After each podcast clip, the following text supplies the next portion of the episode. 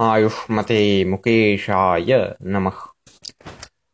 गायत्रीमन्त्रस्येदं व्याकरणदृष्ट्या विश्लेषणं दीयते।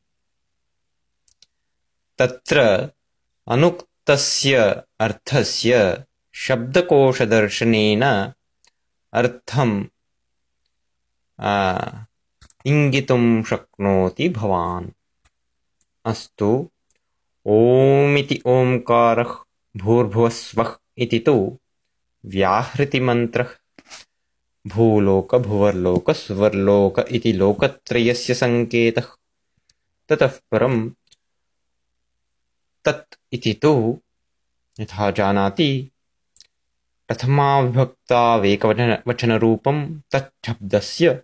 ततः परम् सवितुर् इति शब्दस्तु सवितृशब्दस्य ऋकारान्तस्य षष्ठीविभक्तावेकवचनरूपम् भर् वरेण्यम् अस्तु। वरेण्यम् इति च वरेण्यशब्दस्य नपुंसकलिङ्गे द्वितीयाविभक्तावेकवचनरूपम् ततः भर्गः इति शब्दस्तु सकारान्तस्य भर्गशब्दस्य प्रथमाविभक् द्वितीयाविभक्तावेकवचनरूपम् ततः परम् देवस्येति देवशब्दस्य षष्ठीविभक्तावेकवचनरूपम् ततः परम् धीमहि इति तु धाधारणपोषणयोः इति धातोः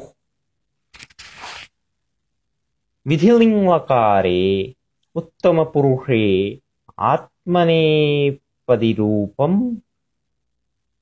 बहुवचनरूपम्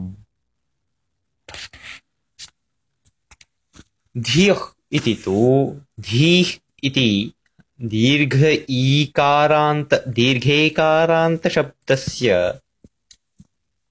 धीशब्दस्य द्वितीयाविभक्ता बहुवचनरूपं द्वितीयाविभक्तौ बहुवचनरूपम् ततः परम् यः इति यत् शब्दस्य पुल्लिङ्गकस्य प्रथमाविभक्तावेकवचनरूपम् नः इति अस्मच्छब्दस्य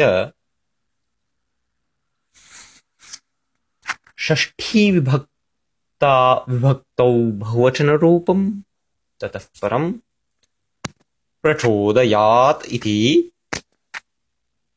प्र उपसर्गपूर्वकस्य चुद् धातोः